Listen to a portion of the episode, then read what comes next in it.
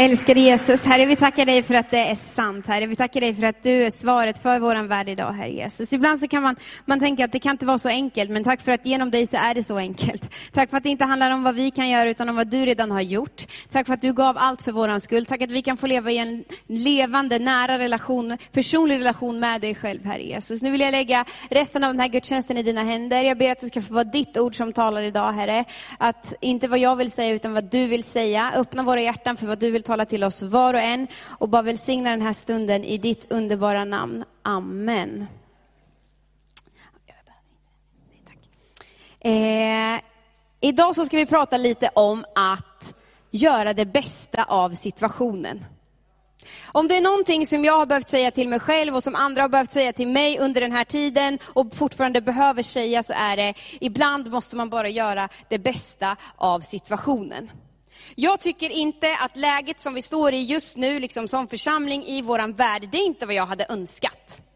Överhuvudtaget. Jag tror inte att någon hade önskat att det skulle bli så här. Och ingen av oss hade kunnat förutse att det skulle bli så här. I januari när vi började höra talas om det här viruset bort i Kina, så tänkte jag, jobbigt för Kina. Så, men det kommer inte komma hit. Så märkte man att, jaha, det här kommer påverka oss.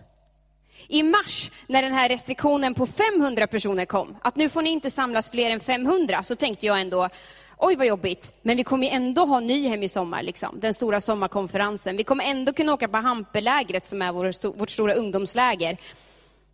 Och att Unite, som är vår stora ungdomskonferens, skulle vara i fara, det hade jag inte kunnat ana. Men det blev inte som jag hade tänkt. Det blev inte som någon av oss hade tänkt. Men vi får göra det bästa av situationen. Och jag tror att det absolut bästa som man kan göra hela tiden, det är att ändå fortsätta fördjupas i sin relation med Gud. Och fördjupas i sin relation med andra människor. Det är där vi ändå behöver göra och det är där jag tror att vi ändå kan göra, trots att omständigheterna just nu inte alls ser ut som vi hade hoppats och trott. Jag behöver ställa mig själv frågan, hur kan jag göra det bästa av den här situationen? Och jag tror att du finns där ute och du finns här inne som också behöver ställa dig själv den frågan. Hur kan jag göra det bästa av den här situationen? Det kanske inte är corona som påverkar ditt liv just nu som gör att du känner så. Det kan vara andra saker också. Men jag tror att när de här oväntade sakerna händer, det som vi inte har kunnat förutse, så kan vi hantera det på olika sätt. Man kan bara liksom pausa. Pausa från allt som är det normala och säga, ja, ja, men när allt blir som vanligt igen, då ska jag börja leva mitt liv som vanligt igen. Man kan ge upp och säga, nej, nu blev det inte som jag ville, eller som jag hade hoppats, så nu struntar jag i allt. Eller så kan man konstatera att nej, det blev faktiskt inte som jag hade trott eller som jag hade hoppats på. Men jag kan göra det bästa av situationen. För grejen är ju den att dina gåvor och din kallelse har Gud inte tagit ifrån dig bara för att omständigheterna förändrats. Och jag tror att även om vi just nu står i den här situationen, oavsett vad det är i ditt liv som händer just nu, så har Gud inte ångrat sin kallelse. Så har Gud inte tagit dina talanger och dina gåvor ifrån dig. Utan du kan få fortsätta tjäna i dem under den här tiden. Det finns en man i Bibeln som jag tycker verkar vara en expert på det här. Att oavsett vad som händer så verkar han hela tiden göra det bästa av situationen. Han heter Josef. Det är en man som vi kan läsa om i, i den första boken i Bibeln, i första Mosebok. Eh, och du kan läsa om honom i, från och med det 37 kapitlet till det 46. Vi ska inte läsa de 11 kapitlen nu. Eh, du kan vara lugn. Men jag kommer återberätta lite om Josefs liv. Josef var en av Jakobs tolv söner. Det står att han älskades mer Eh, av sin far än sina andra bröder. Och för att Jakob älskade Josef lite mer så hatade hans bröder honom stackarn. Josef fick drömmar av Gud som han kunde tolka. Och eh, han drömde till exempel att, eh, att hans bröder och familj en dag skulle buga sig inför honom. Och det här berättade han för sin familj, och då hatade de honom ännu mer. Och på grund av att de hatade Josef så mycket för det han hade fått av Gud, så kastade de honom i en brunn. Och lämnade honom där för att dö. Sen insåg brorsorna liksom att nej, men det här kanske inte var så smart. Vi säljer honom istället. De sålde sin egen bror som slav till ett annat land. Och därigenom så hamnar Josef i Egypten. Och när han kommer till Egypten så säljs han till en man som heter Potifar. Och Potifar, eh, han var kungens hovman och chef för livvakterna. Så han var liksom en högt uppsatt man. Och där hamnar då Josef. Och då kan vi läsa någonting väldigt spännande tycker jag. För det står att i den situationen där Josef hamnade, där fick han vara till välsignelse. Som slav. Han fick ta hand om hela Potifars liksom hushåll. Josef verkar ha gåvan, talangen, kunskap om hur man har hand om saker och ting. Roddar, ordnar, fixar, liksom, ser över olika saker. Och det fick han göra där i Potifars hus. Och det är väl just det här som är utmaningen till dig och mig just nu. Alla omständigheter i Josefs liv hade förändrats. Men han valde att ändå i den här situationen ställa sig själv till förfogande. Och se, hur kan jag tjäna här? Och det var det han gjorde. Han gjorde det bästa av situationen. Trots att Josef väljer att göra det bästa av den situationen, så gick det dåligt för honom. För det står att Potifars fru tyckte att Josef var snygg. Så hon ville inleda en relation med honom. En liten eh, kärleksrelation. Och han sa nej, det är fel, jag vill inte göra det. Jag vill inte att du är otrogen mot din man och jag vill inte vara, liksom, svika min, min herres eh, förtroende. Men hon, eh, Potifars fru då, vi kan kalla henne Potimor, eh, hon ljuger och säger att han försökte våldta mig. Och genom att hon ljuger så tror ju Potifar på, på sin fru och Josef kastas i fängelse. För någonting som han inte ens har gjort. För att hon ljuger så kastas han i fängelse. Och då kan vi återigen läsa om hur Josef i fängelset får vara den som ser över de andra fångarna. Han får vara den som liksom, han ställer sig själv till förfogande även där och säger, hur kan jag tjäna här? Mina gåvor att förvalta, att ta hand om olika saker, att organisera och sånt här, det kan jag göra även här. Det fick jag göra i fängelset också. Där i fängelset kan vi också läsa om hur Josef får tyda drömmar åt två andra fångar, som var kungens fångar. Och när han tyder deras drömmar så säger han att när ni kommer till kungen så kom ihåg mig då. Minns mig inför kungen så att jag kanske kan få komma ur det här fängelset. De här två fångarna som Josef får tyda drömmar åt, de kommer därifrån men Josef är kvar. Två år senare så minns de här fångarna när de är hos kungen. Ja, två år senare så har kungen en dröm, farao som han kallades då. Han hade en dröm. Och han säger, vem kan tyda mina drömmar? Då minns den här fången som var i fängelset med Josef, vänta nu. Det var en snubbe med mig i fängelset som kunde tyda min dröm. Jag glömde bort honom. Men han kanske är kvar där. Och det var han.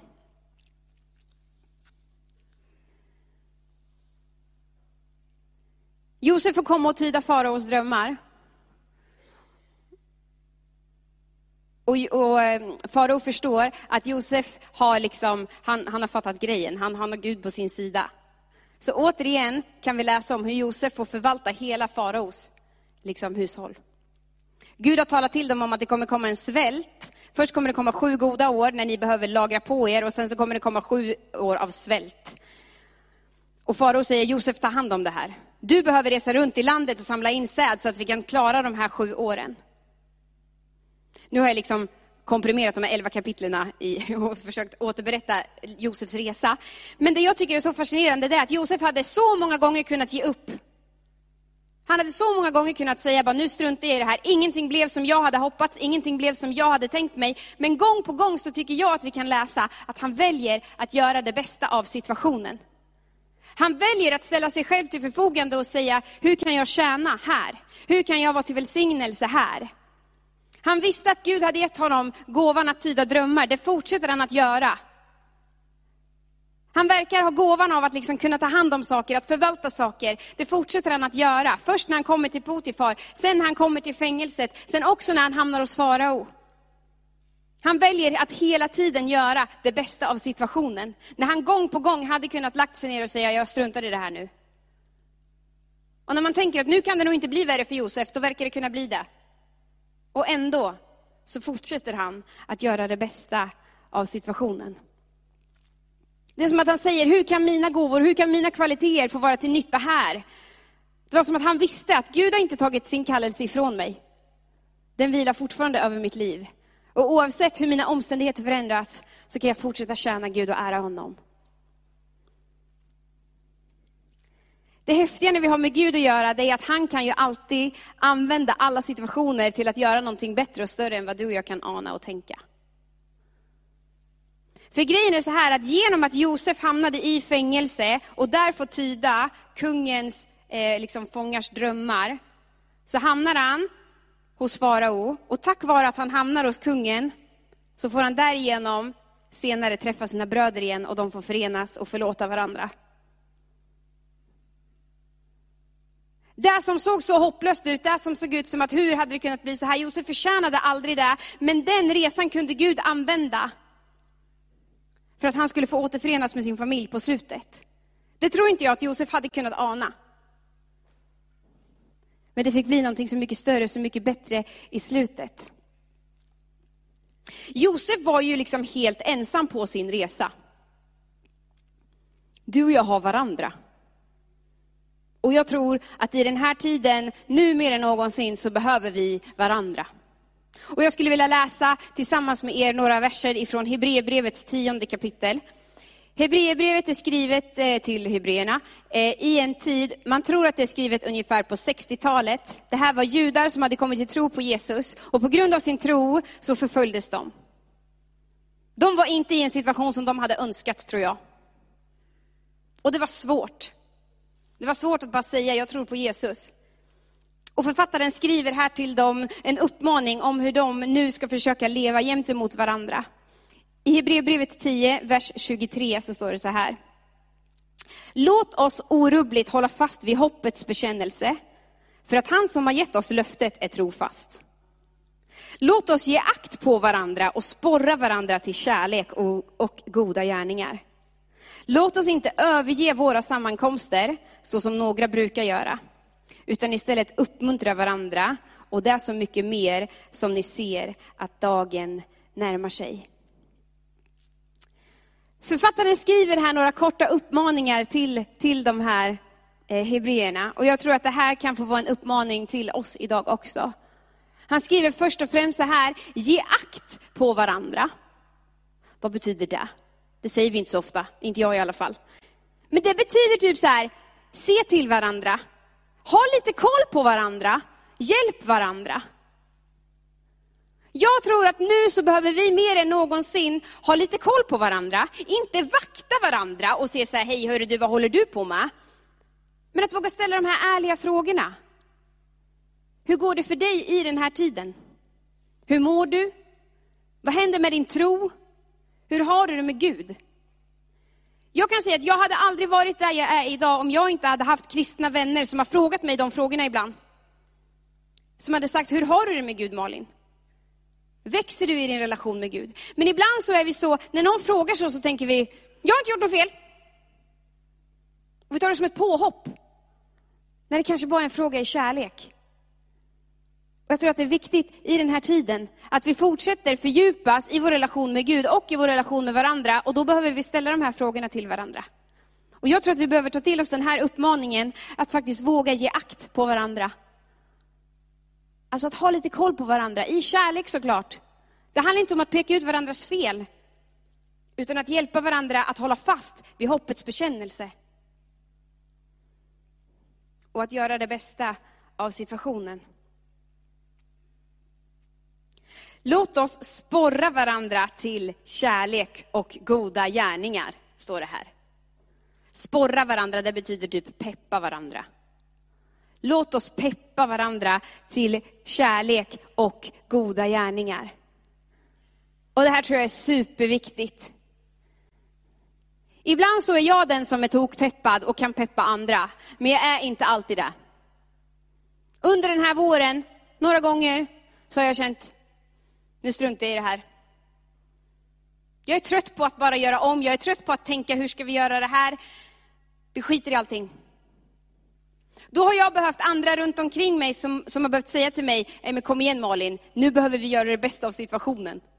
Och det bästa av situationen är inte att sätta sig ner och strunta i allting. Utan det är att tänka, okej, okay, hur gör vi nu? Vi måste vara flexibla, vi måste tänka nytt, vi måste tänka om. För det finns alltid en väg framåt tillsammans med Gud. Låt oss sporra varandra, peppa varandra till kärlek och goda gärningar.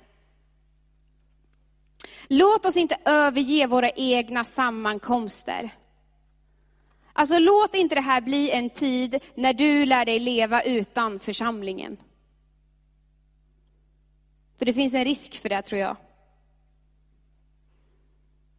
Kyrkan har inte stannat av, vi behöver bara hitta nya sätt att göra det på.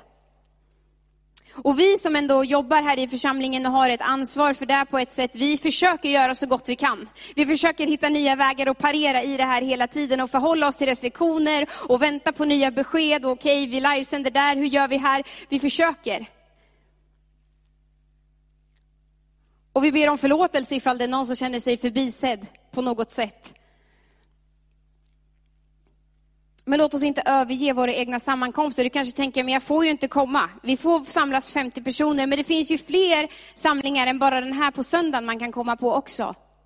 Och kyrkan är inte bara en kyrka som en fysisk byggnad, utan kyrka är ju där du och jag finns. Du kan samla till gudstjänst i ditt eget hem. Kanske har du mer tid just nu. De som du förut kanske bara hade tid att träffa en gång per termin, kanske har du nu tid att träffa dem en gång i månaden. Öppna upp ditt hem varje söndag och säg hej, låt oss samlas tillsammans och titta på gudstjänsten. Låt oss inte överge våra egna sammankomster, utan istället hitta nya vägar att göra det på. Har du en superbra idé som du tycker att vi borde veta om, så låt oss veta den då. Vi tror inte att vi har alla svar.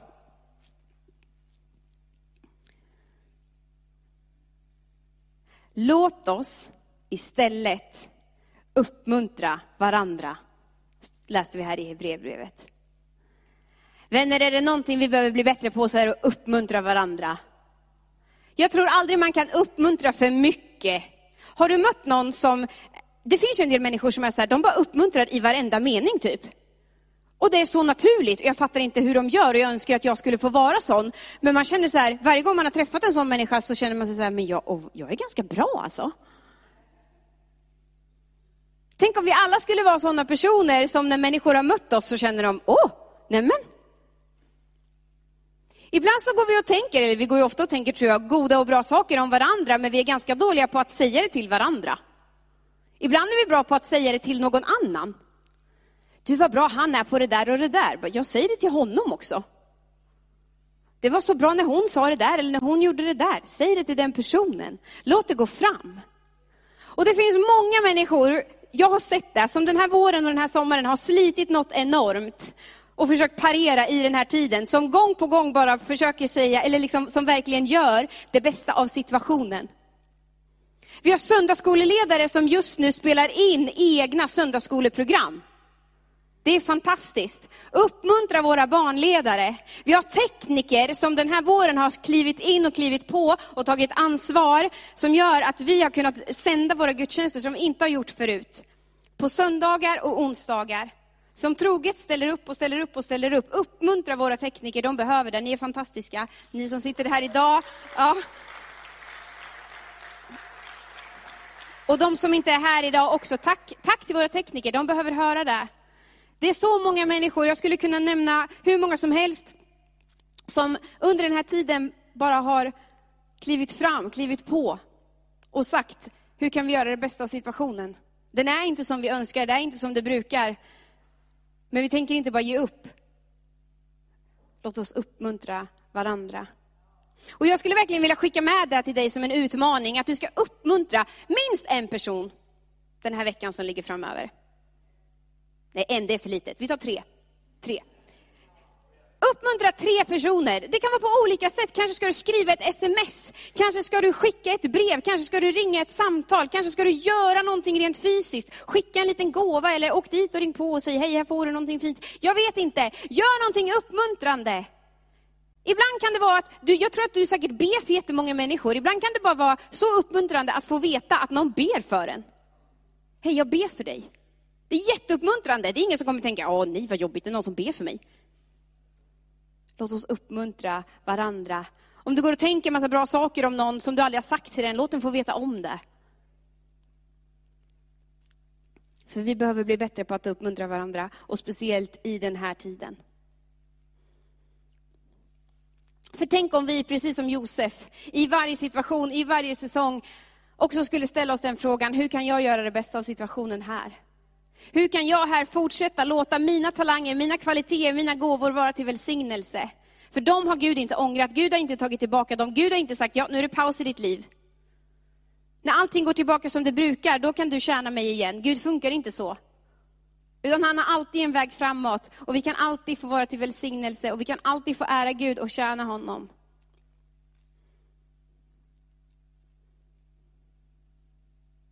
Jag tror inte att världen någonsin kommer gå tillbaka och vara precis som den var innan corona drabbade vår värld. Det betyder att församlingen kommer inte vara där heller. Vi vet inte riktigt än, men på olika sätt så kommer församlingen vara för evigt förändrad. Det behöver inte vara dåligt. Men jag tror inte vi bara kan sitta och vänta på att en dag ska allting bli precis som det var. Det kommer aldrig bli som det var. Men Gud har en väg framåt. Gud har alltid en väg framåt. Och precis som det var för Josef så tror jag att när det här är över, jag tror ändå att det här kommer vara över en dag, så kommer Gud ha kunnat använda det här till någonting som är så mycket större och bättre än vad vi kan se och förstå just nu. För det är så Gud funkar. Han är alltid större. Han har alltid en större plan. Och din och min utmaning är att säga, okej, okay, hur kan vi just nu göra det bästa av den här situationen? Av den här dagen, av den här veckan, av den här månaden. Och genom den här säsongen fortsätta att ge akt på varandra, alltså att ha lite koll på varandra i kärlek. Att sporra och peppa varandra till kärlek och goda gärningar och fortsätta uppmuntra varandra. För det behöver vi allihopa. Eh, teamet kan få komma fram för jag ska alldeles strax landa här. Jag vill avsluta med att säga att Gud har inte tagit sina gåvor och sin kallelse ifrån dig. Han vill och tror på dig fortfarande och han vill att du ska fortsätta ära honom, tjäna honom och han vill att även i den här tiden så kan du få fortsätta fördjupas i din relation med Gud och med dina människor runt omkring dig. Och det kan vi få göra om vi ärligt vågar ställa oss den här frågan, hur kan jag göra det bästa av situationen här? Och finnas till för varandra, se varandra i kärlek, peppa och uppmuntra varandra. Och lita på att Gud har en väg. Gud har en plan som vi inte ser och förstår just nu. Ska vi be tillsammans? Herre, jag tackar dig för att du är kung. Du är Herre, du är Gud. Och du har koll. Du vet vad du gör. Du har hela den här världen i din hand, Herre Jesus. Och Gud, jag tackar dig för att även om det just nu inte ser ut som vi hade önskat, som vi kanske hade trott och hoppats på, så har du allting i din hand. Hjälp oss att lita på dig, hjälp oss att kasta oss på dig, förtrösta på dig. Och hjälp oss att göra det bästa av situationen. Tack för att du aldrig lämnar oss, du överger oss aldrig. För du är trofast. Du står fast vid vad du har sagt, Herre Jesus. Du har lovat att du aldrig ska lämna oss eller överge oss. Jag tackar dig för att du kan fortsätta använda oss, Herre Jesus. Jag tackar dig för att du har liksom aldrig tagit tillbaka din kallelse. Du tar aldrig tillbaka de gåvor som du har gett till någon, Herre Jesus. Utan du kan låta oss få fortsätta vara till välsignelse, fördjupas i vår relation till dig, var vi än hamnar i, var vi än står i, Jesus. Hjälp oss var och en att göra det bästa av situationen. Välsigna nu fortsättningen av det här mötet. I Jesu namn. Amen.